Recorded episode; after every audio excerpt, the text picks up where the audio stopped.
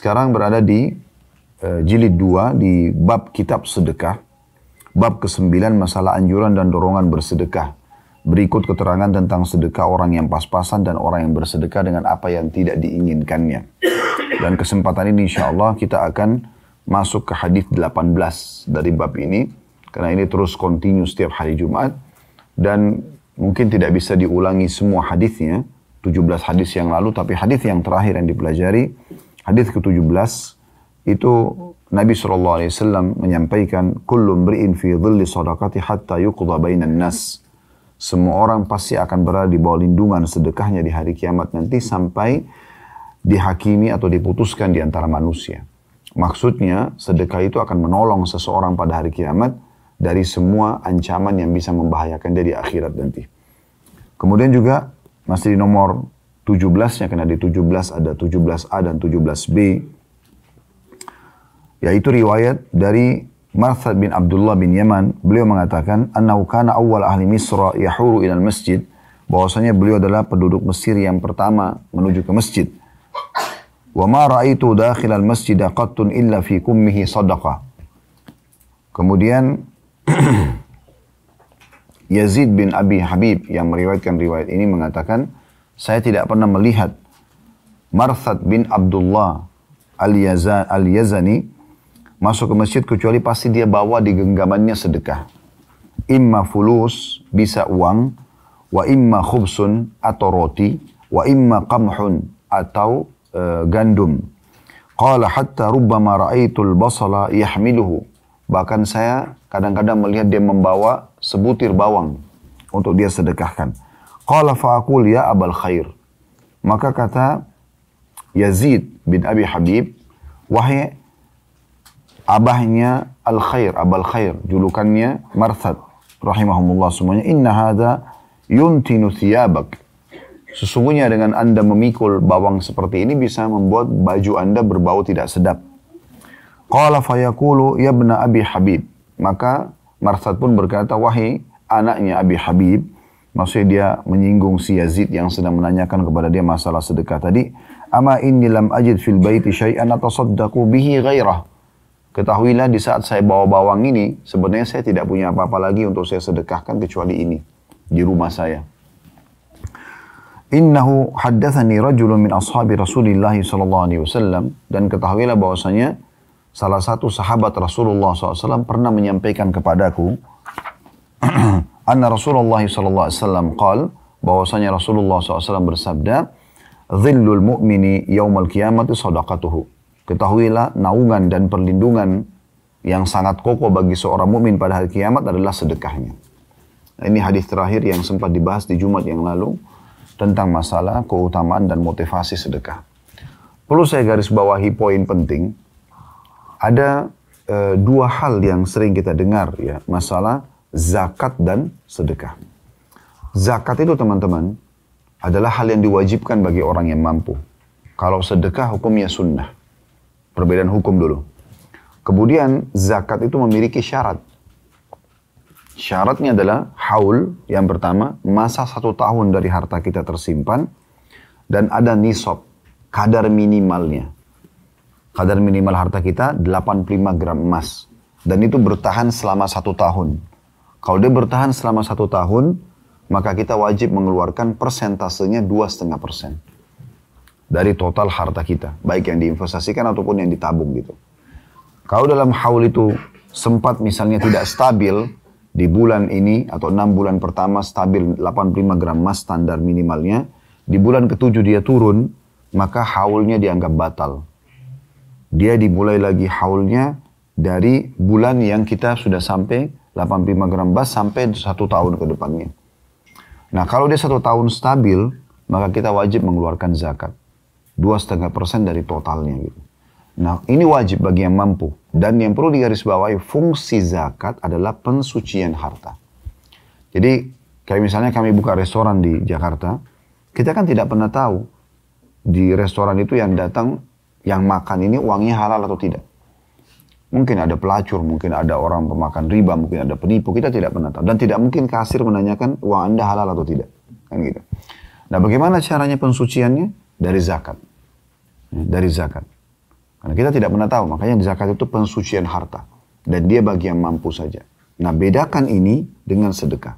Sedekah hukumnya bukan wajib. Dia sunnah. Dan dia tidak ada haul dalam masa setahun. Tiap hari kita disuruh sedekah. Dia tidak ada nisab, kadar minimalnya. Dan dia juga tidak ada persentasenya. Dua setengah persen. Gitu kan? Jadi sedekah itu fungsinya beda fungsi sama zakat. Zakat pensucian harta, kalau sedekah itu memperbanyak harta. Kenapa kita jelaskan ini teman-teman? Karena banyak orang mungkin karena zakatnya Masya Allah besar, sampai mungkin belasan miliar, puluhan miliar zakatnya saja dari harta yang Allah amanahkan ke dia. Lalu dia cicil keluarkan itu. Dia tidak keluarkan sekaligus. Karena dia pikir besar. Padahal sebenarnya afdolnya adalah zakat itu dihabiskan di masa haul. Jadi kalau haul kita Ramadan ke Ramadan, Ramadan sudah jatuh tempo, Ya habisin di Ramadan itu. Karena mulai Ramadan itu ke Ramadan depan sudah masuk haul yang selanjutnya.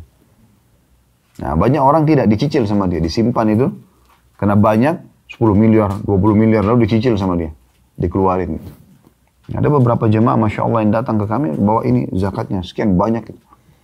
Saya ingatkan, ini harusnya sebaiknya dikeluarkan saja langsung, semuanya. Jangan dicicil-cicil. Karena kalau dicicil nanti tidak sedekah. Sementara sedekah itu Fungsinya memperbanyak harta. Zakat untuk mensucikan harta. Jadi kalau kita cuma keluarin zakat, kita hanya dapat pensuciannya, tapi tidak dapat pelipat gandaannya. Dan juga sedekah ini sangat dianjurkan.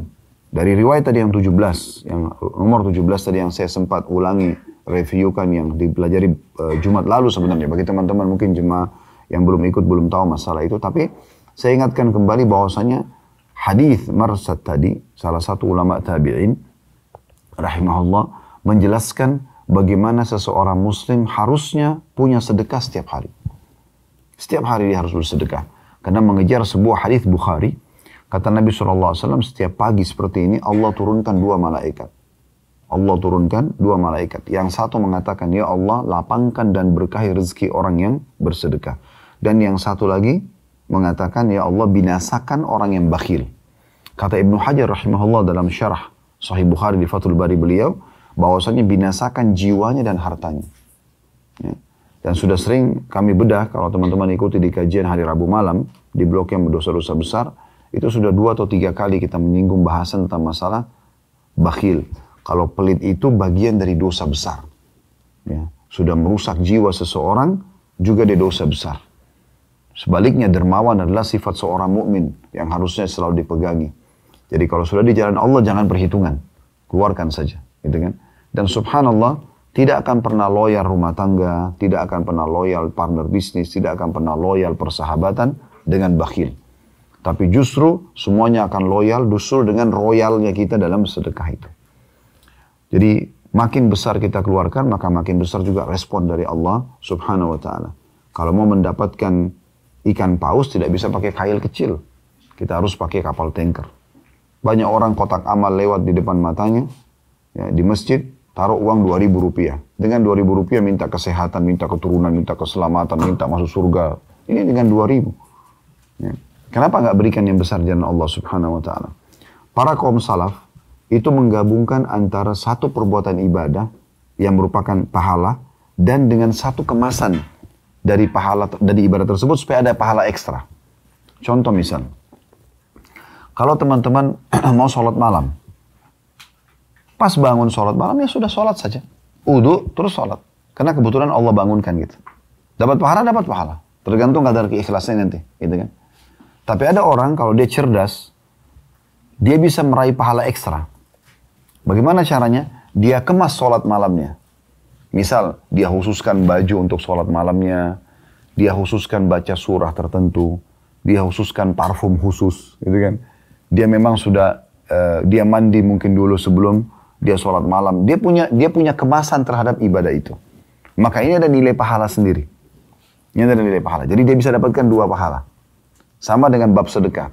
Kalau ada orang misalnya, dia nggak pernah programin, tapi pada saat ada orang miskin datang minta, langsung dia keluarin dari kantongnya, dia kasih. Dapat pahala, dapat pahala. Tapi ada orang bisa mengemas, dapat ekstra pahala. Bagaimana caranya? Memang dia sudah sisipkan tuh. Dia sisipkan uang misalnya 100 ribu yang baru, yang masih belum disentuh oleh orang lain gitu kan.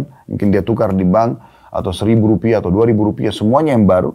Khusus untuk sedekah. Disendirikan sama dia. Memang sudah diprogramin. Dia keluar ingin sedekah. Ini ada kemasannya namanya. Jadi selain pahala sedekah, pahala kemasan ini ada. Ya, Maka ini penting. Dan ini bisa dilakukan pada setiap ibadah. Ya, mirip yang Bapak Ibu lakukan misalnya kayak kita masalah ya haji dan umroh. Orang umroh bisa saja. Orang haji bisa saja. Tapi ada orang enggak, dia mau kemas ibadah itu. Dengan dia coba cari yang terbaik. Maka itu juga akan ada pahala kemasannya gitu. Nah ini semua bisa ditarik dalam masalah ibadah-ibadah tersebut. Baik, kita akan masuk teman-teman sekalian pada kesempatan ini membahas hadis nomor 18 di bab tentang masalah sedekah dengan sanad Hasan. Hasan ini dibawanya sanad sahih. Yang paling kuat kalau dalam hadis itu adalah sanadnya sahih. Di bawahnya adalah Hasan. Dan ini urutan 873 dari awal belajar. Jadi bagi yang ikutin dari awal hadis ini, kajian hadis ini dari jilid 1 kita sudah pelajari 873 hadis. Ini secara urutan ya, tapi secara hakikatnya kita pelajari sudah ribuan hadis. Karena kadang-kadang dalam satu urutan hadis, misalnya urutan 873 itu ada beberapa hadis atau beberapa riwayat di dalamnya. Jadi kalau teman-teman berminat ini insya Allah teman-teman tim sudah mengangkat di playlist YouTube bisa dinonton. Kajiannya beda buku Sahih Targhib Tarhib dan sudah saya sampaikan beberapa kali ke teman-teman dan ini juga kami ingatkan di YouTube coba ikuti dan jadikan kurikulum. Misal kajian kitab ini dipelajari hari Jumat, maka jadikan misalnya hari Jumat adalah jadwal untuk ikutin. Kalau nggak bisa secara live maka bisa diulangi malam hari dan dijadwalkan beli bukunya, tulis manfaat-manfaatnya atau faedahnya, diulangi lagi Jumat depan. Terus begitu sampai selesai satu kitab, gitu kan. Supaya orang betul-betul seperti orang yang talaki yang mengambil langsung belajar ya, dari seorang pengajar berikut juga dengan ya bukunya. Baik hadis ini disebutkan bahwasanya dari Uqbah bin Amir radhiyallahu anhu beliau mengatakan Rasulullah sallallahu alaihi wasallam bersabda, "Inna sadaqata la tudfi'u an ahliha harral kubur wa innama yastadhillu al-mu'minu yawmal qiyamati fi dhilli sadaqatihi." Hadis ini diriwayatkan Tabarani dan Mu'jamul Kabir dan juga Al-Baihaqi. Terjemahannya sungguhnya sedekah itu akan memadamkan panasnya kubur bagi penghuninya dan seseorang mukmin hanya bernaung di bawah naungan sedekahnya pada hari kiamat nanti. Ini bunyi hadis nomor 18. Baik teman-teman sekalian. Kita coba lebih korek, korek lebih dalam lagi makna dulu, makna secara global. Sedekah itu selain dicintai Allah Subhanahu wa taala, pahalanya besar, penyebab kekayaan. Juga membuat cintanya manusia. Berarti lawan daripada ini itu akan bertolak belakang semua. Pelit dibenci sama Allah, berdosa dan juga dibenci oleh manusia. Gitu kan? Ini butuh terapi kejiwaan memang. Untuk selalu rutin memberikan orang. Tanpa pamrih. Dengan diikuti keyakinan kalau Allah subhanahu wa ta'ala akan balas. Tidak boleh ragu sama sekali. Dan Allah menyebutkan dalam Al-Quran, Man bil hasanati falahu ashru amthaliha. Siapa yang berbuat satu kebaikan, Allah akan balas dengan 10 kali lipat. Dalam sebuah riwayat hadis kata Nabi SAW, ila sab'amiyah di'fin, sampai 700 kali lipat. Makanya Uthman bin Affan radhiyallahu anhu sering kali bersedekah dan jumlahnya tidak terhitung. Sampai orang-orang Madinah itu pun kaget. Mereka pun yang biasa tahu tentang keutamaan sedekah kaget kalau lihat Uthman bin Affan sedekah. Sedekahnya itu ratusan ekor kuda, ratusan ekor unta. Kalau kita sekarang sudah bukan ratusan miliar gitu. Baik dalam peperangan, baik dalam sedekah tiap hari. Ada juga beberapa sahabat yang lain seperti Sa'ad bin Ubadah radhiyallahu anhu di kota Madinah ini. Beliau berdoa secara khusus kepada Allah Ya Allah, karuniakanlah kemuliaan untukku dalam ibadah di sebab sedekah. Bukakan pintu rezeki. Tidak pernah satu kali pun, satu hari pun gudang hartanya berkurang. Padahal setiap hari dia bilang sama anaknya, ini gudang harta ayah, sedekahkan. Semau kamu. Maka si ayah sama anak setiap hari karena zaman dulu tidak ada media, naik ke atas atap rumah, terus teriak kepada penduduk Madinah di kota yang sekarang kita ada. Wahai penduduk Madinah, siapa yang butuh Harta ambillah. Silakan. Mau butuh apa saja ambil. Yang mau utang boleh, yang mau ambil saja boleh. Maka orang berbondong-bondong datang. Tapi subhanallah uniknya nih. Orang kapitalis nggak mungkin masuk di akal mereka. Nih. Karena bagi mereka keluarkan berarti habis. Kan gitu. Uang saya satu juta di rekening. Saya keluarkan lima ratus ribu sedekah berarti berkurang. Begitu akalnya. Kan gitu. Tapi Islam tidak ajarkan itu. keluarkan 500 ribu akan kembali minimal 10 kali lipat kan gitu. Tidak bisa kita hitung-hitungan sama Allah berarti saya akan dapat 5 juta. Mungkin bisa lebih daripada itu. Tapi jelas Islam mengajarkan pada saat kita keluarkan akan diganti sama Allah. Makin banyak kita keluarkan maka makin banyak gantinya. Dalam sebuah hadis sahih kata Nabi SAW, Allah berfirman, Ya benar Adam, amfik umfik alik. Wahai anak Adam, berinfak di jalanku, aku akan berinfak kepadamu. Jadi memang harus keluarkan dulu, baru Allah subhanahu wa ta'ala datangkan. Ya dengan Dan jangan sampai membuka pintu-pintu bisikan syaitan. Kita sudah keluarkan, kayaknya tadi kalau saya tidak keluarkan, itu enggak hilang pahalanya nanti. Ya. Sudah dikeluarkan, selesai. Makanya saya bilang tadi diikuti dengan keyakinan, kalau ini adalah sesuatu yang baik. Abdullah bin Mas'ud radhiyallahu anhu mengatakan, siapa di antara kalian yang bisa meletakkan hartanya di langit, lakukanlah. Saya sedekah. Karena itu tidak akan pernah dijangkau oleh tangan pencuri dan tidak akan pernah rusak dimakan oleh rakyat. Harta yang kita keluarkan teman-teman, harta kita yang sebenarnya, yang kita bawa ke akhirat. Ada beberapa pengusaha muslim, di satu zaman dulu dinukil kisah, teman-temannya, semua pengusaha juga, setiap kali ya, eh, dapat keuntungan, mereka nabung. Ada juga yang mereka pakai untuk kebutuhan mereka dan seterusnya. Intinya, satu orangnya tidak pernah nabung. Yang sedang jadi tokoh kita tidak pernah nabung. Tidak disebutkan juga namanya dalam kisah ini, tapi kisah ini unik menurut saya. Dia eh, tidak pernah nabung, tapi kerja dia adalah dia tambah investasi kebutuhan keluarganya dan juga sedekah. Dia imbangin, dibagi tiga gitu. Sepertiganya dipakai untuk sedekah, sepertiganya dipakai untuk modal, sepertiganya dipakai untuk keluarganya. Selalu begitu. Sampai akhirnya beberapa tahun setelah itu teman-temannya bilang, kamu ini gak sayang sama hartamu, gak ada tabunganmu. Betul usaha berkembang tapi tidak ada tabungannya. Kata dia, sesungguhnya yang tidak sayang dengan harta kalian, bukan saya. Karena kalian meninggalkan di sini. Dan saya bawa harta saya sampai ke sana. Mau saya ke akhirat. Dan memang sedekah itu teman-teman kita seperti sedang membawa nilai sedekah kita menuju ke akhirat. Nah, menuju ke akhirat. Di awal-awal bab ini, itu kami pernah membedah beberapa ayat dalam surah Al-Baqarah tentang sedekah. Dari ayat 261 sampai 274.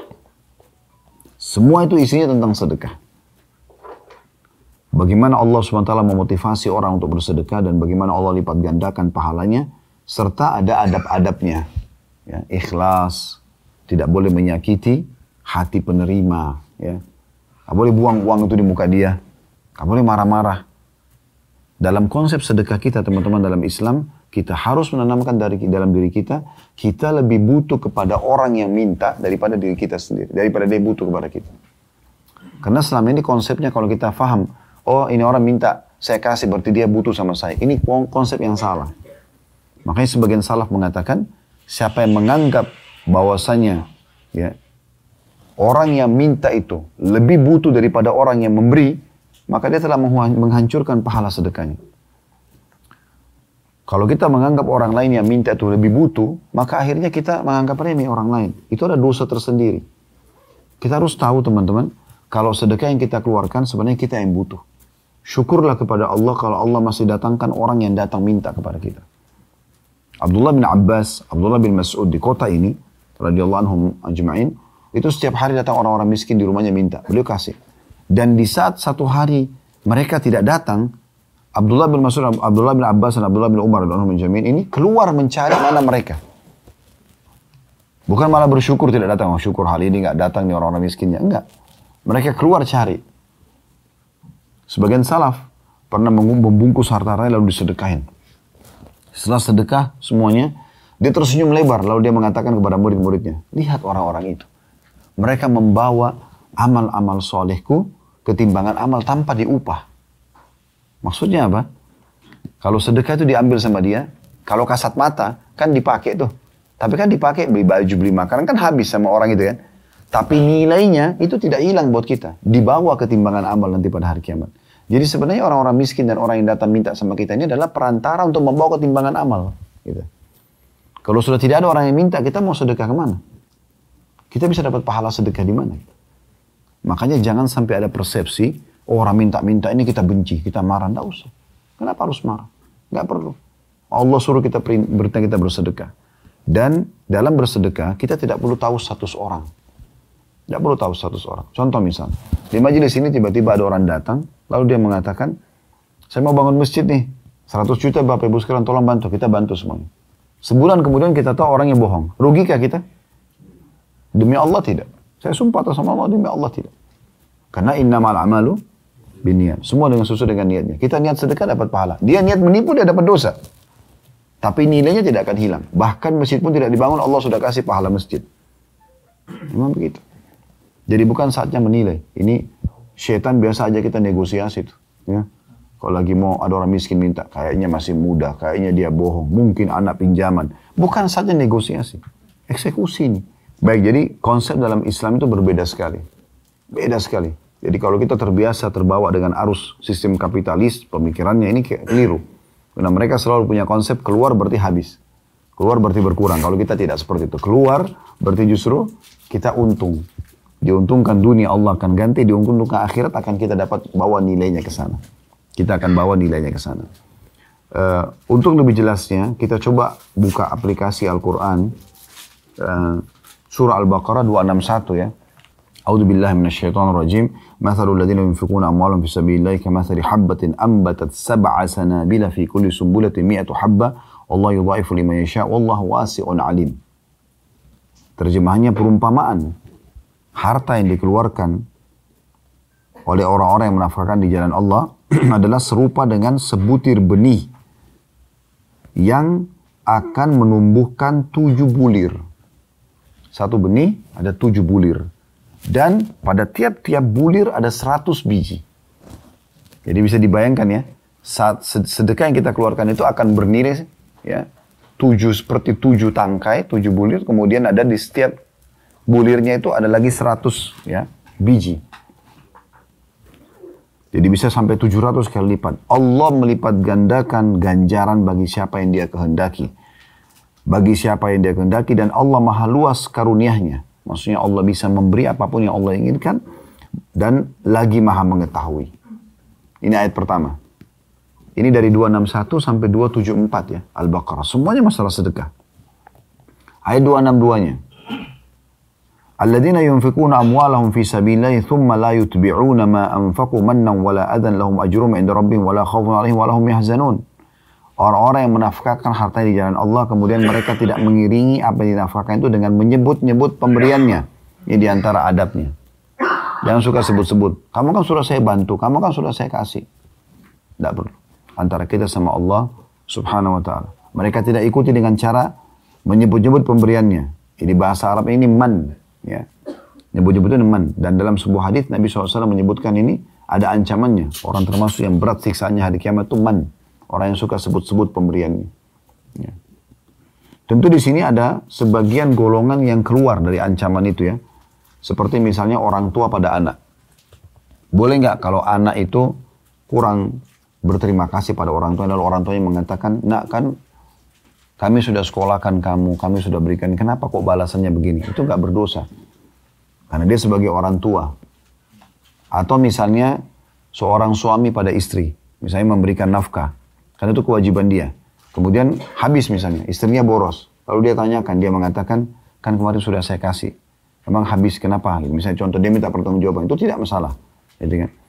Atau seorang pemimpin negara pada masyarakatnya, misalnya dia buat jembatan, lalu dia mengatakan ini sudah kami buatkan, tolong dijaga, dirawat. Itu kan menyebutkan kebaikan ya. Nah di poin-poin seperti ini masih ada pengecualian. Tetapi kalau tidak, misalnya ada orang miskin datang, kau kan sudah saya bantu, kau kan sudah saya begini dan begitu. Jadi dia selalu pemahamannya masih ada kapitalisnya nih. Bahwasanya orang yang datang minta berarti akan mengurangi harta saya. Tidak usah lihat siapa yang meminta. Tapi prosesi kita memberi dia itu namanya sedekah. Nah itu yang kita kejar. Tanpa melihat siapa yang menerima.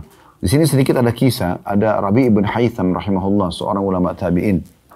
Sebagian buku menulis namanya Rabi ibn Huthaim. Rahimahullah. Beliau pernah mau makan makanan, Eh, dibuatin oleh istrinya. Waktu itu dinamakan halwa. Bahan-bahannya mahal, buatnya lama. Karena beliau tidak rewel, nah istrinya juga tidak enaknya dibuatin makanan enak. Kebetulan ada tamunya.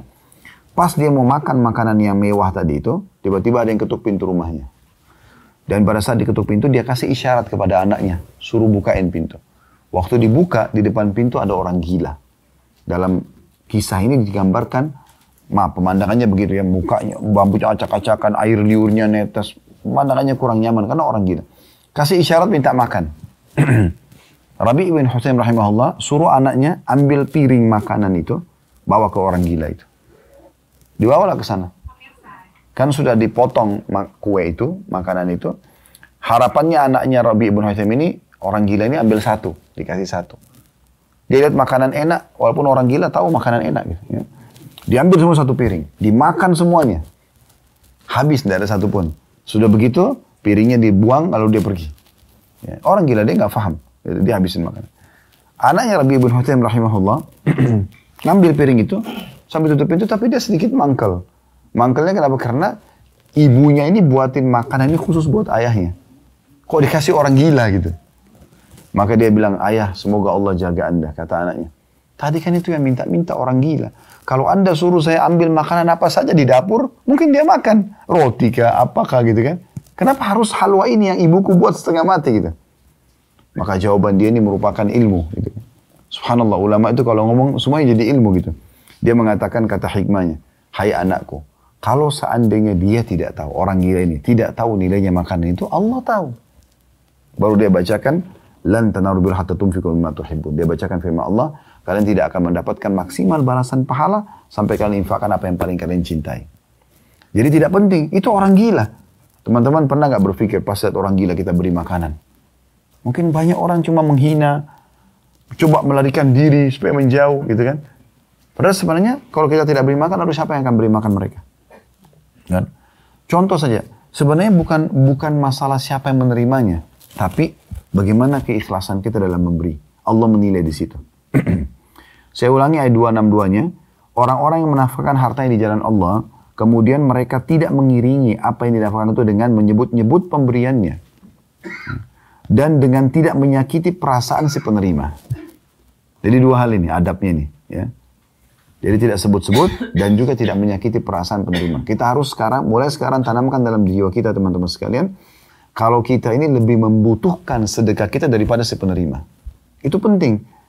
Selama kita masih menganggap dia yang butuh, selalu kita anggap remeh orang. Dan Allah larang dalam ayat ini. Ini sudah 1400 tahun lalu turun ayat ini.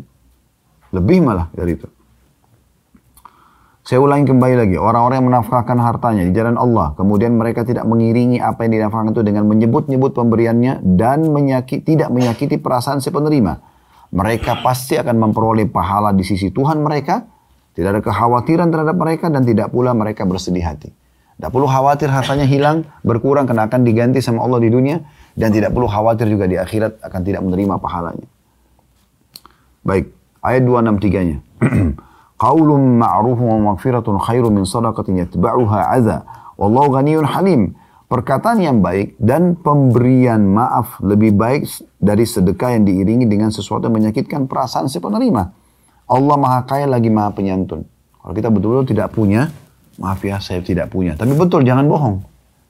Ya. Tapi orang ini Ustaz sering tiap hari datang minta. Nggak masalah. Syukur Allah utus dia. Kan gitu. Kalau bapak ibu, masya Allah sudah Allah bukan rezeki, tinggal satu komplek elit, ada sekuritinya. Kira-kira kapan sedekahnya? Kapan ketemu orang miskinnya? Dari rumah lewat pos security, security selalu orang orang miskin tidak boleh masuk. Langsung masuk jalan tol ke kantor, pulang juga begitu. Kapan kira-kira mau sedekah? Betul kita bisa online, tapi kan tidak selamanya begitu. Kapan kita datang sama orang miskin? Nabi SAW mendatangi orang-orang miskin, bersedekah pada mereka. Ya. Ada satu teman saya, subhanallah. Nama beliau juga Khalid, teman saya di kampus dulu. Saya nggak pernah lupa itu. Adab yang luar biasa ditunjukkan. Itu kami masih kuliah sama-sama. Kami pernah masuk ke kantor imigrasi, eh, kantor apa administrasi kampus waktu itu. Terus pulang sama-sama ke fakultas kami. Pas ada mobil mobil sampah, mobil sampah, angkat sampah-sampah di kampus gitu kan. Daun-daun yang kering segala macam diangkat mobil tersebut. Di atas sampah itu, mobil sampah itu ada satu orang dari Bangladesh. Memang petugas sampah, gitu kan, dibayar oleh pemerintah Saudi. Dia karena capeknya tidur di atas sampah itu. Pas kami lewat, dia bangun, orang itu bangun. Terus teman saya ini tiba-tiba salam, Assalamualaikum Orang itu jawab Waalaikumsalam, karena muslim. Langsung dia ulurkan tangannya, dia salaman sama orang itu. Orang itu tadinya ngantuk, tiba-tiba dia tersenyum, dia merasa senang sekali bisa disalamin sama orang gitu. Karena dia pikir dia kerja sampah gitu kan. Saya mungkin berpikiran, umumnya saya untuk apa salaman sama orang seperti ini. Tapi saya ambil sebuah pelajaran gitu kan. Bagaimana untuk melatih diri kita supaya tidak ada kesombongan. Dan ada salahnya sesekali kan kita bisa cuci tangan. Contoh. Kenapa kalau ada orang miskin lagi minta di sebelah mobil kita, kenapa cuma buka jendela sedikit dan keluarkan jari? Keluarnya lagi cuma 500 rupiah. Nah. Kenapa nggak turunin gitu? Allah amanahkan ada driver kami di rumah. Dia kalau keluar rumah begitu. Saya ingatkan, akhi, turunkan jendela. Turunkan kacanya. Kasih baik-baik gitu. Kenapa kok kesannya orang itu terhina? Kita yang butuh sama dia kan? Ini contoh saja. Nah ini jangan sampai di sini Allah mengatakan perkataan yang baik kalau tidak ada atau pemberian maaf, minta maaf saja. Kalau kita tidak ada, itu lebih baik daripada sedekah yang diikuti dengan menyakiti hati penerima. Minta-minta terus nih, terus dibuang di mukanya orang. Itu. Tidak boleh dalam Islam, ini dilarang. Dan ingat, yang suruh kalian sedekah dan tidak boleh menyakiti perasaan penerima, tidak boleh sebut-sebut adalah Allah yang maha kaya, lagi maha penyantun. Allah yang suruh ini. Muamalah kita sama Tuhan kita Allah. Teman-teman kalau sudah bisa menanamkan konsep ini dalam hidup, hidup kita akan tenang. Misalnya kita semua laki-laki sini sebagai suami. Pada saat kita bermuamalah dengan istri, bermuamalah kita sama Tuhan, Allah subhanahu wa ta'ala. Bukan karena istrinya, tapi karena Allah ta'ala. Allah perintahkan kita untuk menaungi mereka, menyayangi mereka, mencintai mereka, memberikan nafkah. Itu Allah yang... Karena Allah maka akan mulus semuanya. Berpahala dan juga baik. Allah akan buat keberkahan dalam masalah itu. Tapi kalau hanya murni karena dia, karena kecantikannya misalnya, karena apalah kecenderungan kita, pas ada sesuatu, naudzubillah, berubah akhlaknya, pas cacat fisiknya, kita akan berubah. Karena bukan karena Allah. Mirip sama dengan perempuan juga begitu. Suami itu adalah sosok yang Allah datangkan untuk kita raih pahala dari dia. Kalau karena Allah. Tapi kalau karena dia nanti berubah juga kalau ada berubah sesuatu yang membuat awal kita suka sama dia. Kalau hanya segar fisik dan yang lainnya. Ini konsep-konsep dasarnya itu. Selanjutnya ayat 264-nya. Ya ayyuhalladzina amanu la tubtilu sadaqatikum bil manni wal adha kalladhi yunfiqu malahu riya'an nasi wa la yu'minu billahi wal yawmil akhir. فمثله كمثل صفوان عليه تراب فأصابه وابل فتركه صلدا لا يقدرون على شيء مما كسبوا والله لا يهدي القوم الكافرين Perhatikan terjemahannya ya. Ini Allah yang bicara sama Bapak Ibu sekarang. Firman Allah ini, saya cuma bacakan. Terjemahannya, hai orang-orang beriman, jangan sampai kamu menghilangkan pahala sedekahmu. Bagaimana bisa hilang pahala sedekahnya? Dengan menyebut-nyebutnya. Saya, itu masih sana. Oh, saya yang bantu tuh. Itu karpetnya saya yang kasih. Itu keramiknya saya. Itu listriknya saya. Ini kata-kata saya ini jadi masalah ini. Usah sebut. Makin tidak ada orang tahu, makin bagus. Biasa orang minta, masjid minta sumbangan. Mau atas nama siapa? Pak Haji Fulan gitu kan. Sebut pakai mikrofon. Haja Fulan. Lengkap ya sama nama ayah saya. Kalau perlu juga nama sukunya gitu kan. Begitu disebut mikrofon, setan bisikin tuh nama belum disebut. Iya, ria habis sudah. Kata Nabi SAW, al-yasiru benar ria syirik. Sedikit dari ria sudah syirik. Ya. Pernah uh, dengar nama Zubaidah nggak? Nggak pernah? Ini seorang ratu di masa Islam dulu. Ya.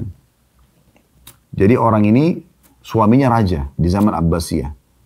Terkenal sekali namanya dia Amatullah. Amatullah ini maksudnya hamba Allah. Kalau laki-laki kan Abdullah. Kalau perempuan Amatullah. Sama artinya. Hamba Allah gitu. Nama dia Amatullah. Tapi karena orang ini cantik, terkenal kulitnya mulus segala macam dan seorang ratu, maka dikasih julukan Zubaidah. Zubaidah itu mentega. Ya, zubda itu seperti mentega begitu. Ya. Dan orangnya sudah cantik, kaya, ratu, suka sekali sedekah, terkenal sekali. Ada pasukan jihad berangkat dia sedekah dari hartanya sendiri yang dia punya. Ada pembangunan masjid dia kasih sampai nanti insya Allah di Mekah. Mudah-mudahan kalau tidak lupa ya, insya Allah nanti saya ingatkan. Itu dari Arafah menuju ke Muzdalifah di pinggir sebelah kanan jalan nanti ada seperti benteng tembok begitu. itu tempat penampungan air zam-zam yang buat Zubaidah itu. Di zaman itu belum ada cara sekarang untuk bawa air, mobil, ada pipa, nggak ada. Jadi orang dulu bayar unta, unta itu bawa kendi-kendi besar di kiri kanannya, kemudian dibawa. Bayangkan berapa banyak jemaah haji pada saat itu. Tapi dia biayai. Dia dulu tinggal di Irak, karena ya, ibu kota Abbasiyah di Irak. Dia buat dari Irak sampai menuju ke Mekah itu sumur. Setiap per berapa kilometer, satu dua kilometer ada sumur lagi. Untuk memudahkan jemaah haji minum. Sampai terkenal di masanya dia, Zubaidah ini masuk surga dengan ini. Karena sedekahnya. Luar biasa gitu. Dan itu suaminya kasih uang, ada warisannya, semua dipakai sedekah. Akhirnya ringkas cerita dalam sebuah kisah diceritakan, waktu saat Zubaidah meninggal, ada satu ponakan dia yang suka dia bantu. Ini kisah ya. Maka ponakannya ini dalam mimpi kan tidak bisa diatur komunikasi sama orang dalam mimpi kan. Dia anaknya ponakannya nanya, dia tanya, tante gimana Allah balas gitu. Maka si Zubaidah mengatakan, ketahuilah wahai anakku, ponakannya akan dipanggil. Tidak ada yang Allah terima karena saya kerjakan riak. Tapi Allah mengampuni saya dengan sholat malam yang saya kerjakan, sementara saya tidak riak. Nah, pelajaran yang kita mau ambil dari sini, dari sini benar atau tidak mimpi ini, tapi yang jelas bagaimana orang kalau diikuti dengan seperti Allah larang di sini, menyebut-nyebut kebaikan itu, menyebut-nyebut sedekah itu, maka batal sedekahnya. Perhatikan sini, saya ulangi terjemahnya. Hai orang-orang beriman. Jangan kamu menghilangkan pahala sedekahmu dengan menyebut-nyebutnya dan menyakiti perasaan si penerima. Seperti orang yang menafkahkan hartanya karena riak mau dipuji orang. Karena manusia. Dan dia tidak beriman kepada Allah hari kemudian. Maksudnya dia tidak kerjakan karena Allah, dia juga tidak mengejar surga untuk dapat balasan nanti di akhirat sana. Maka perumpamaan orang seperti ini, yang ria, suka nyebut-nyebut, ya, menyakiti hati, hati penerima, seperti batu licin yang di atasnya ada tanah. Coba antum bayangkan ada batu licin ditaburi tanah di atasnya. Kan tanah itu bisa setiap saat hilang ya. Karena licinnya batu itu. Tapi Allah gambarkan begitu. Seperti perumpamaan orang yang ria ini, yang bersedekah tapi ria, seperti batu licin di atasnya ada tanah. Kemudian batu itu ditimpa hujan lebat.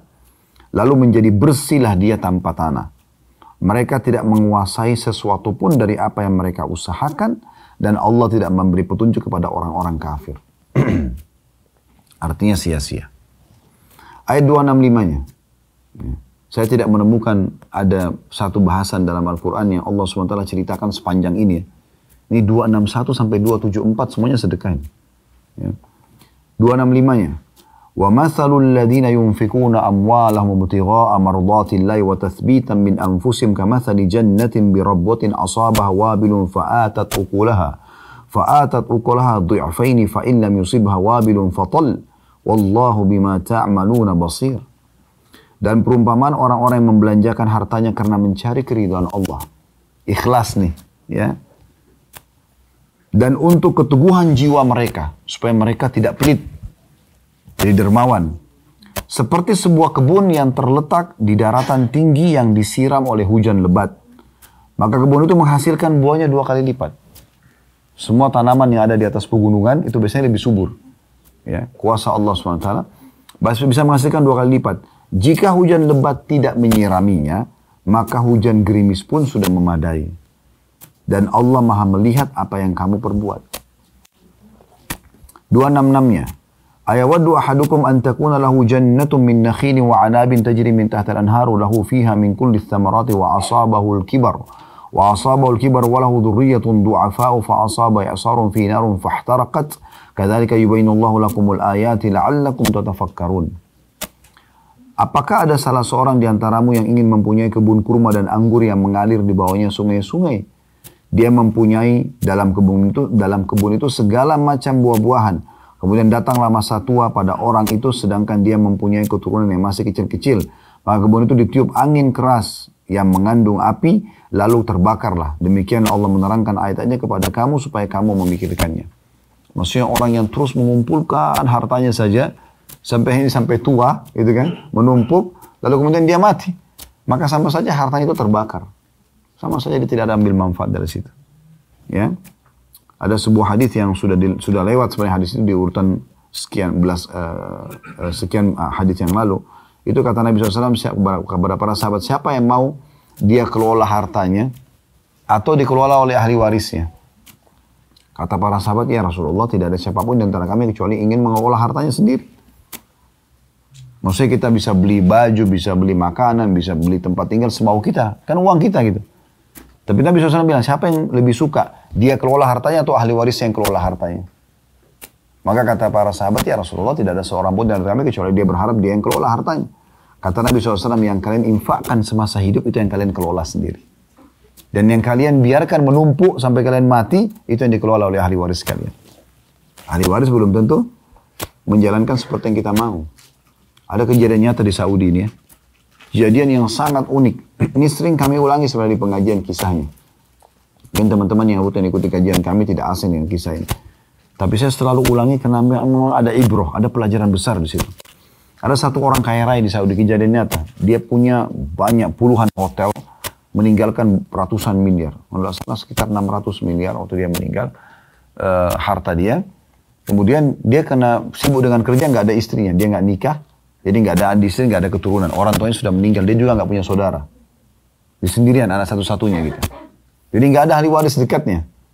Waktu dia meninggal, uh, satu sistem pemerintah yang ada di satu salah satu sistem di pemerintahan Saudi itu kalau ada orang seperti ini maka pemerintah akan menahan hartanya bukan diambil ya ditahan dan dicari tahu supaya aman tidak diperebutkan oleh orang yang mengaku-ngaku dicari tahu pemerintah turun tangan cari tahu siapa kerabatnya yang kira-kira bisa dapat warisan ringkas cerita ditelusuri ada tiga orang sepupunya jauh yang kemungkinan bisa jadi ahli waris gitu kemudian didatangkanlah dipanggil ke pengadilan mereka bingung kenapa dipanggil kebetulan tiga orang ini orang miskin gitu pada saat hakim di mereka hakim tanya kalian tahu kenapa saya kami memanggil kalian mereka bilang tidak Setahu kami, kami nggak pernah buat pelanggaran. Kata si hakimnya, kalian kenal si Fulan? Ya, si mayit ini yang punya harta. Mereka bilang, iya kami kenal.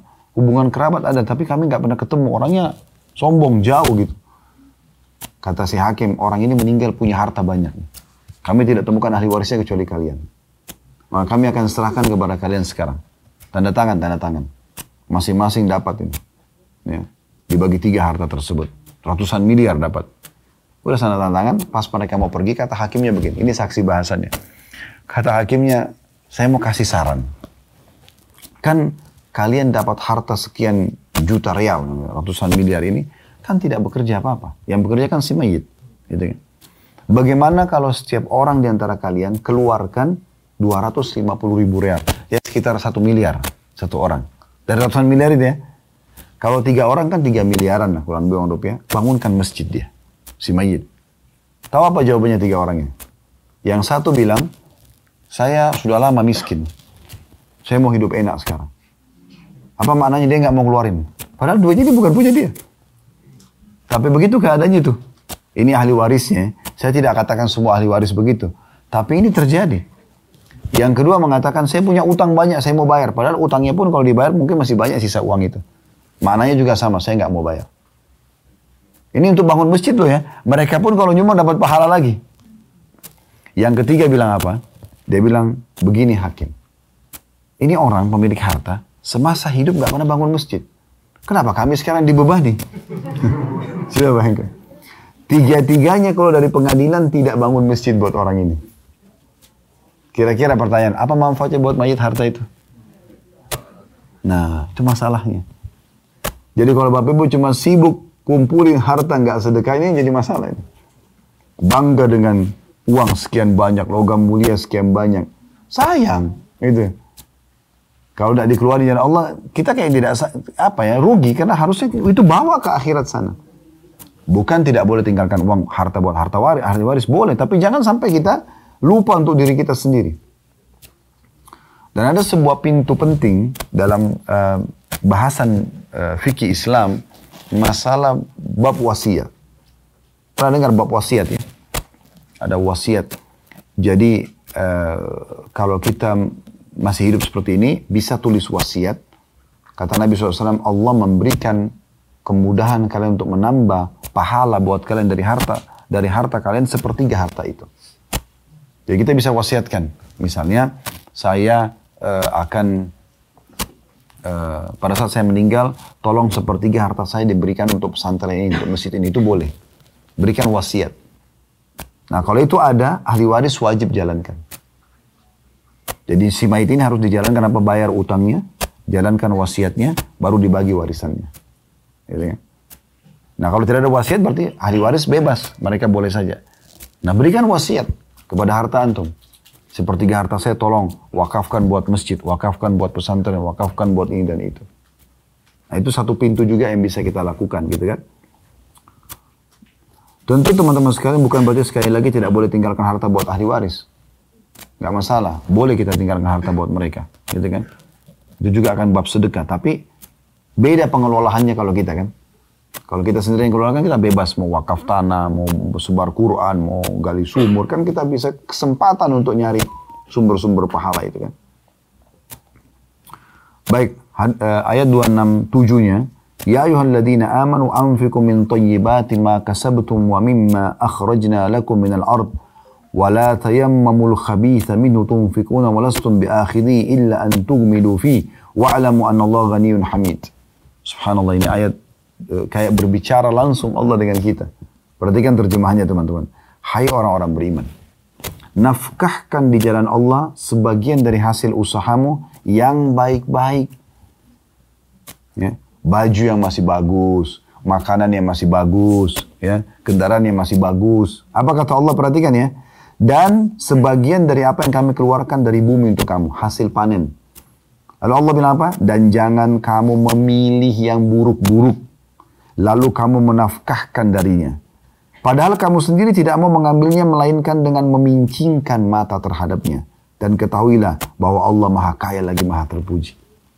Jangan sampai kita keluarin makanan, kita sendiri kalau menerima itu kita nggak mau. Paham nggak? Kita pincingin mata kayak sebelah mata. Gitu. Jangan sampai kita keluarin pakaian, kita sendiri kalau dikasih kita nggak mau. Sedekah itu jangan pakai daripada. Daripada dibuang.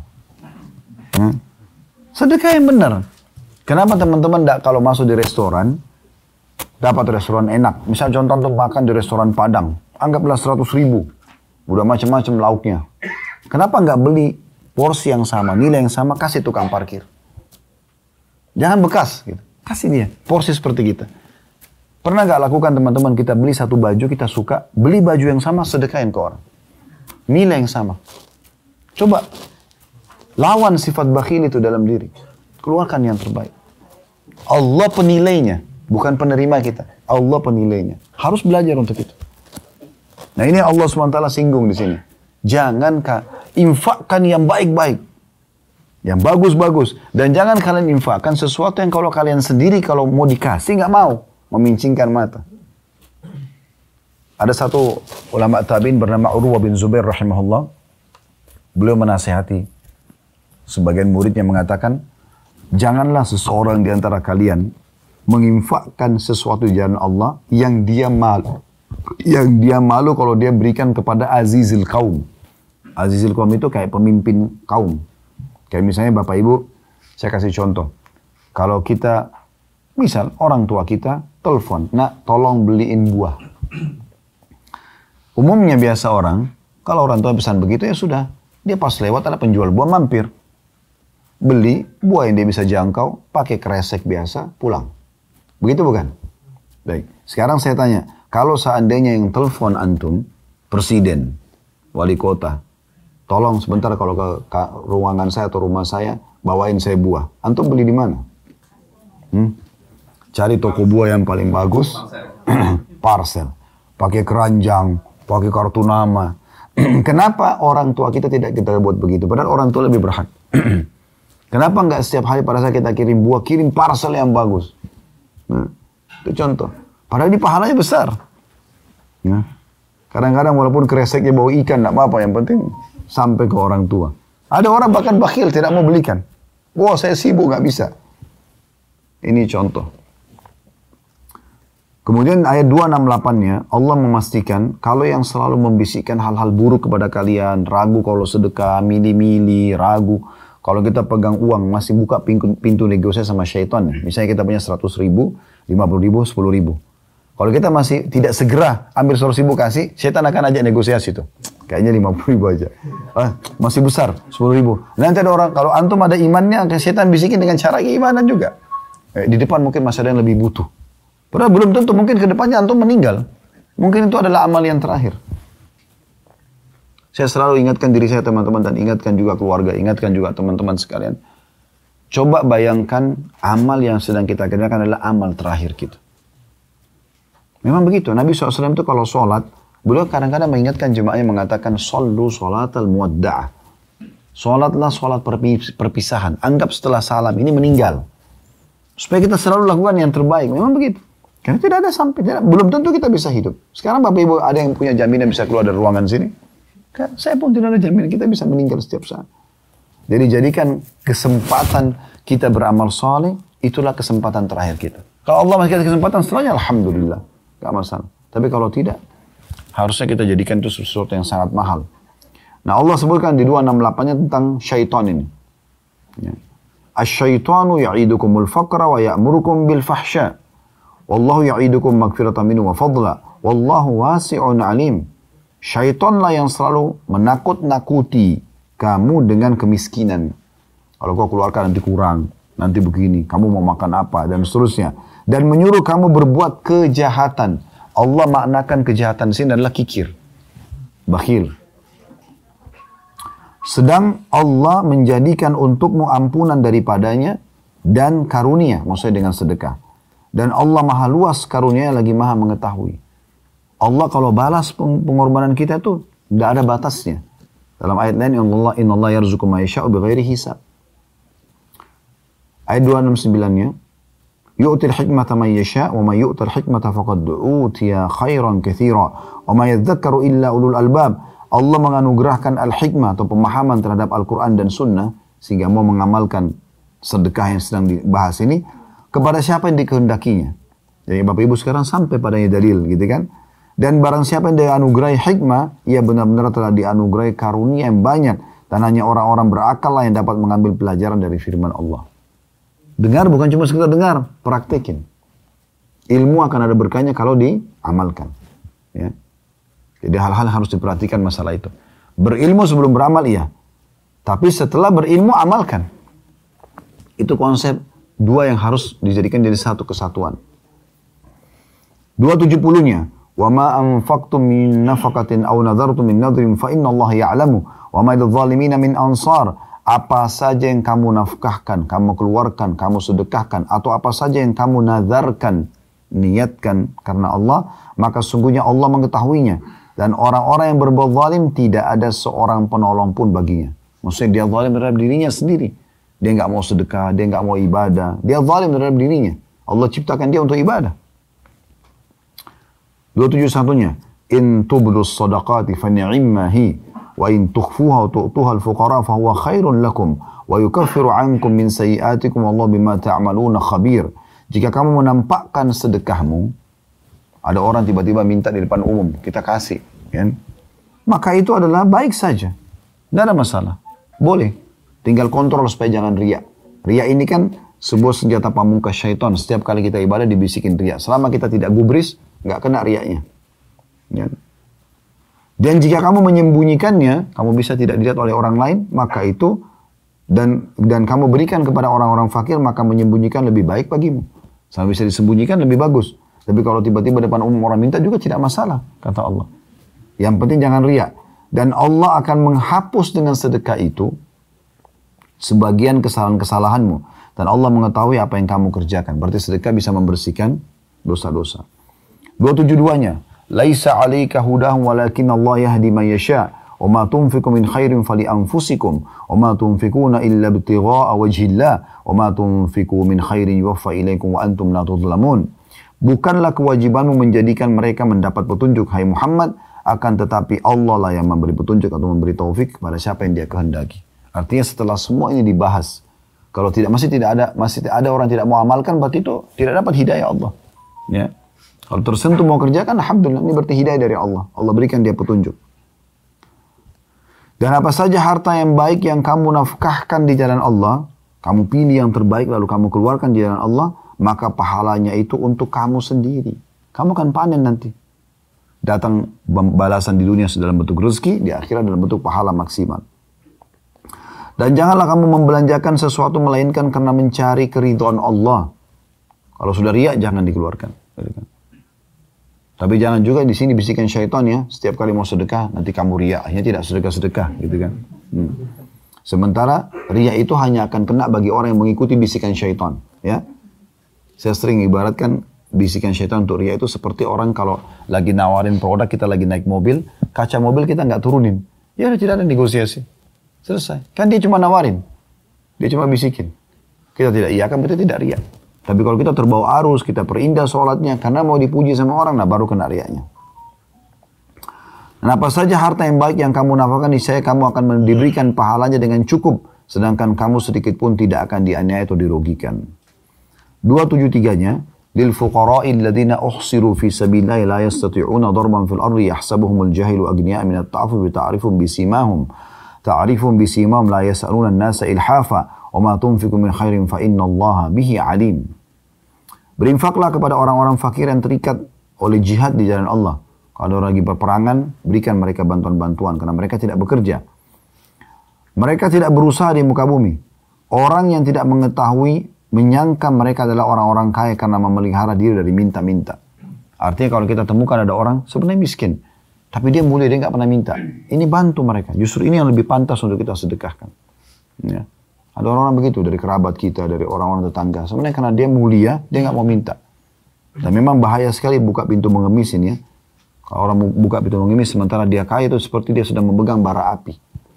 Kenapa Nabi SAW menemukan ada beberapa sahabat datang masjid, mampu dia. Tapi karena dia tahu Nabi ini, Nabi ini dermawan, mereka minta, Nabi kasih.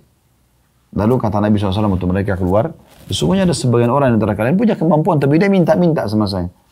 Lalu saya kasih, tapi ketahuilah dia sedang membawa pulang bara api. Kata Umar radhiyallahu ya Rasulullah, kalau gitu kenapa anda kasih kepada mereka?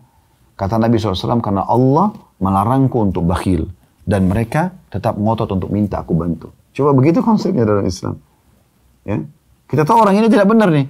Tapi karena minta kita kasih. Kenapa? Karena Allah perintahkan. Kita tidak lihat dianya. Coba luar biasanya. Begitu Islam ajarin itu. Dan tidak ada konsep begini. Dalam kehidupan manusia selain muslim, tidak mungkin. Kayaknya kan berat ya. Orang datang minta, kita tetap kasih gitu kan. Urusan kita sama Tuhan kita Allah subhanahu wa ta'ala. Ada orang-orang yang tidak minta-minta. Kata Allah SWT, kamu kenal mereka dan dengan melihat sifat-sifat mereka, mereka tidak meminta kepada orang secara mendesak. Dan apa saja harta yang baik yang kamu maafkan jalan Allah, maka sungguhnya Allah maha mengetahui. Ada banyak cleaning service, ada banyak orang ini banyak. Ada orang subhanallah masuk orang bersihin kamarnya kasih lima rial sepuluh tidak mau. Oke, okay, thank you, keluar sudah. Kenapa nggak dikasih? Kenapa nggak dikasih? Bantu mereka. Mereka tinggalkan kampungnya, negerinya jauh, butuh uang. Ada banyak tukang sapu jalanan, ada banyak orang. Banyak. Orang, tapi ada orang mulia nggak mau minta. Nggak mau minta mereka gitu kan. Tapi kita bagaimana memahami masalah itu? Ini ayat terakhirnya di sedekah 274-nya, alladzina yunfiquna amwalahum bil-laili wan-nahari sirran wa alaniyatan falahum ajrun min rabbihim wa la khaufun 'alaihim wa lahum yahzanun. Orang-orang yang menafkahkan hartanya di malam dan di siang hari secara sembunyi-sembunyi dan terang-terangan maka mereka mendapat pahala di sisi Tuhan mereka tidak ada kekhawatiran terhadap mereka dan tidak pula mereka bersedih hati. Bantu orang-orang dan di sini makna daripada menginfakkan di malam dan siang hari artinya tidak ada batas waktu. Sepanjang malam bisa sedekah, sepanjang pagi juga sampai sore bisa bersedekah. Ya. Sama juga dengan teman-teman kalau lewat di kotak amal biasa ya di masjid ya. Biasa kalau butuh bantuan di depannya taruh kotak amal. Antum sudah lewat nih, udah taruh uang misalnya 10 ribu atau 100 ribu.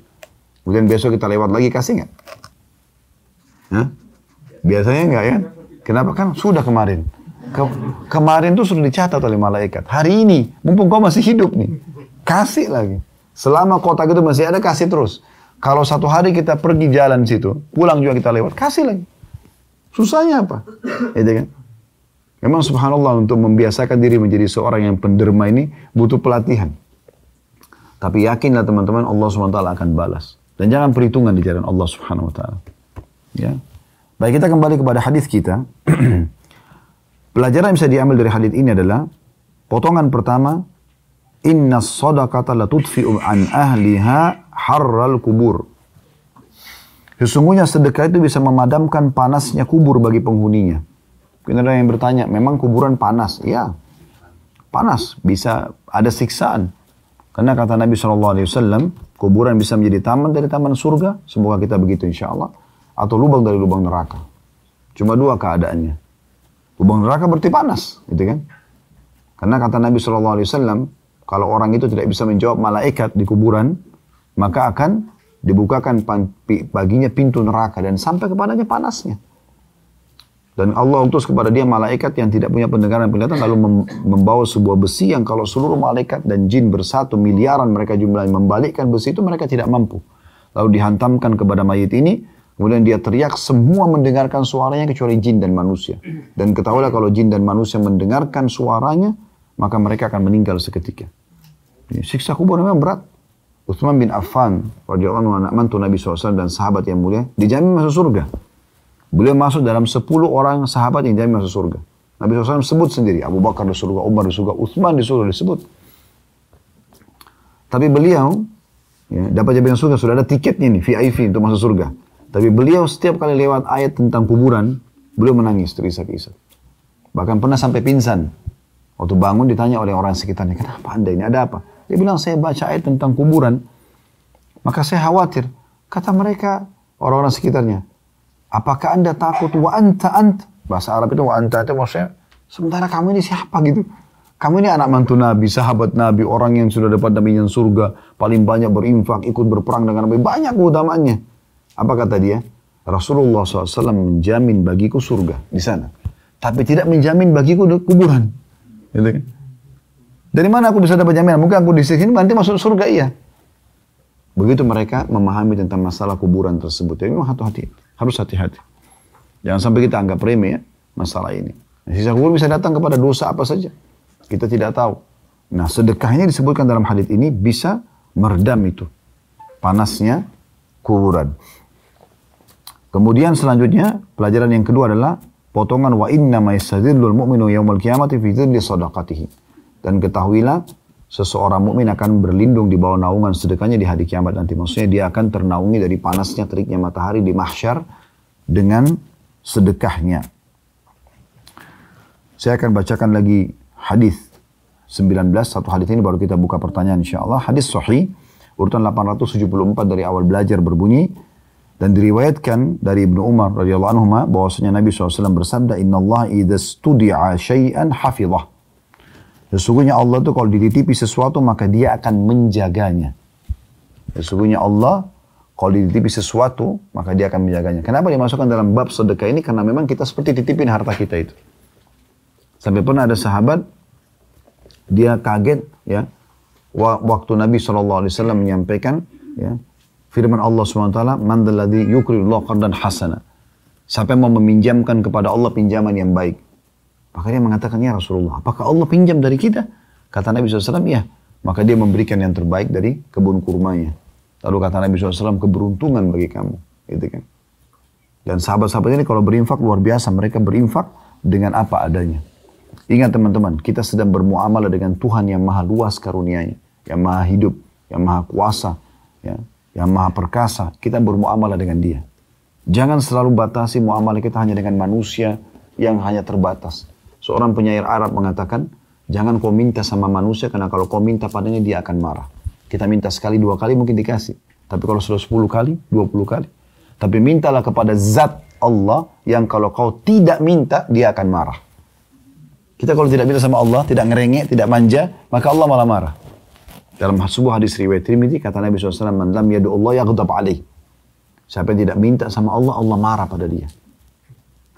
Jangan sampai kita merasa sudah cukup lalu tidak minta sama Allah. Itu nggak boleh. Makanya kita minta. Saya akan tutup teman-teman uh, hadis ini dengan sebuah kisah. Sebenarnya tidak berhubungan dengan sedekah, tapi berhubungan dengan potongan hadis ini. Dan sekaligus kita ambil pelajarannya, sebuah pelajaran adalah bagaimana Allah itu maha menjaga. Apa pun yang kita titipkan kepada Allah SWT. Di zaman Umar bin Khattab radhiyallahu anhu di zaman kerajaan beliau ada satu kejadian unik. Dan beliau suka sekali gitu. Di saat lagi di majelisnya, kalau ada sesuatu yang unik, beliau tanyakan, dengarkan kisahnya. Ada satu orang masuk dalam majelis Umar bin Khattab. Orangnya tampan, dan di belakang di belakang dia atau di sebelah dia pas ada orang yang mirip seperti dia sampai seperti kembar gitu maka kata Umar radhiyallahu anhu saya belum pernah subhanallah melihat kekembaran seperti hari ini. Lalu kata orang itu yang sedang Umar singgung, dia mengatakan, ya Amir Mu'minin, ini bukan kembar saya, tapi ini anak saya.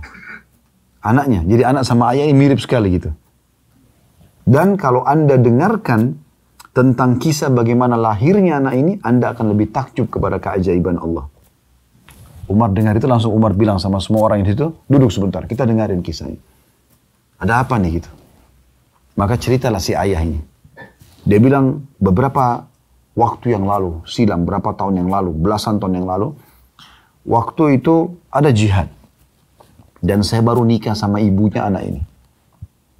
Kemudian saya ingin pergi berjihad. Walaupun saya pengantin baru. Dan kondisi istri saya lagi hamil. Jadi bergejolak dalam jiwa saya antara pergi jihad atau temanin istri. gitu kan. Tapi akhirnya Allah lebih cenderungkan saya berjihad. Maka saya pun pamit dengan istri. Istri saya sempat menangis karena dia sendirian di Madinah tapi ini jihad dan kalau saya meninggal mati syahid, saya bisa tolong istri saya. Karena orang mati syahid kan bisa menolong 70 keluarga yang masuk surga bersama dia. Kecuali memang dalam keadaan kafir tidak bisa ditolong gitu kan. Maka dia bilang saya pun pamit sama istri mau pergi. Lalu saya pegang perutnya dan saya mengatakan ya Allah sesungguhnya aku titipkan bayiku ini kepadamu. Bahasa si ayah begitu. Kemudian dia bilang saya pergi berjihad. Pergilah dan zaman dulu orang tidak ada telepon, nggak ada media, nggak bisa telepon-teleponan, nggak ada berita. Orang kalau sudah safar dulu orang anggap sudah meninggal. Karena bisa kembali bisa enggak dan banyak perampok dari pinggir jalan tiba-tiba bisa ngerampok, membunuh segala macam. Apalagi ini jihad, jihad berarti sama dengan mati kan gitu. Kalau pulang selamat itu berarti memang masih belum ajal gitu kan. Yang jelas teman-teman sekalian dia bilang, saya pulang setelah sekian lama gitu, saya datang ke rumah keluarga, rumah saya tidak ada orang, saya datang ke rumah kerabat saya, saya tanya, istri saya mana? Kata mereka sudah meninggal. Istrinya meninggal. Baru kemarin atau dua hari yang lalu gitu, meninggal.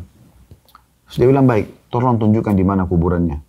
Dia bilang, begitu kami menuju ke kuburannya, dia, dia lihat seperti ada cahaya gitu di kuburan itu. Kemudian saya pun datang mengunjung di sana.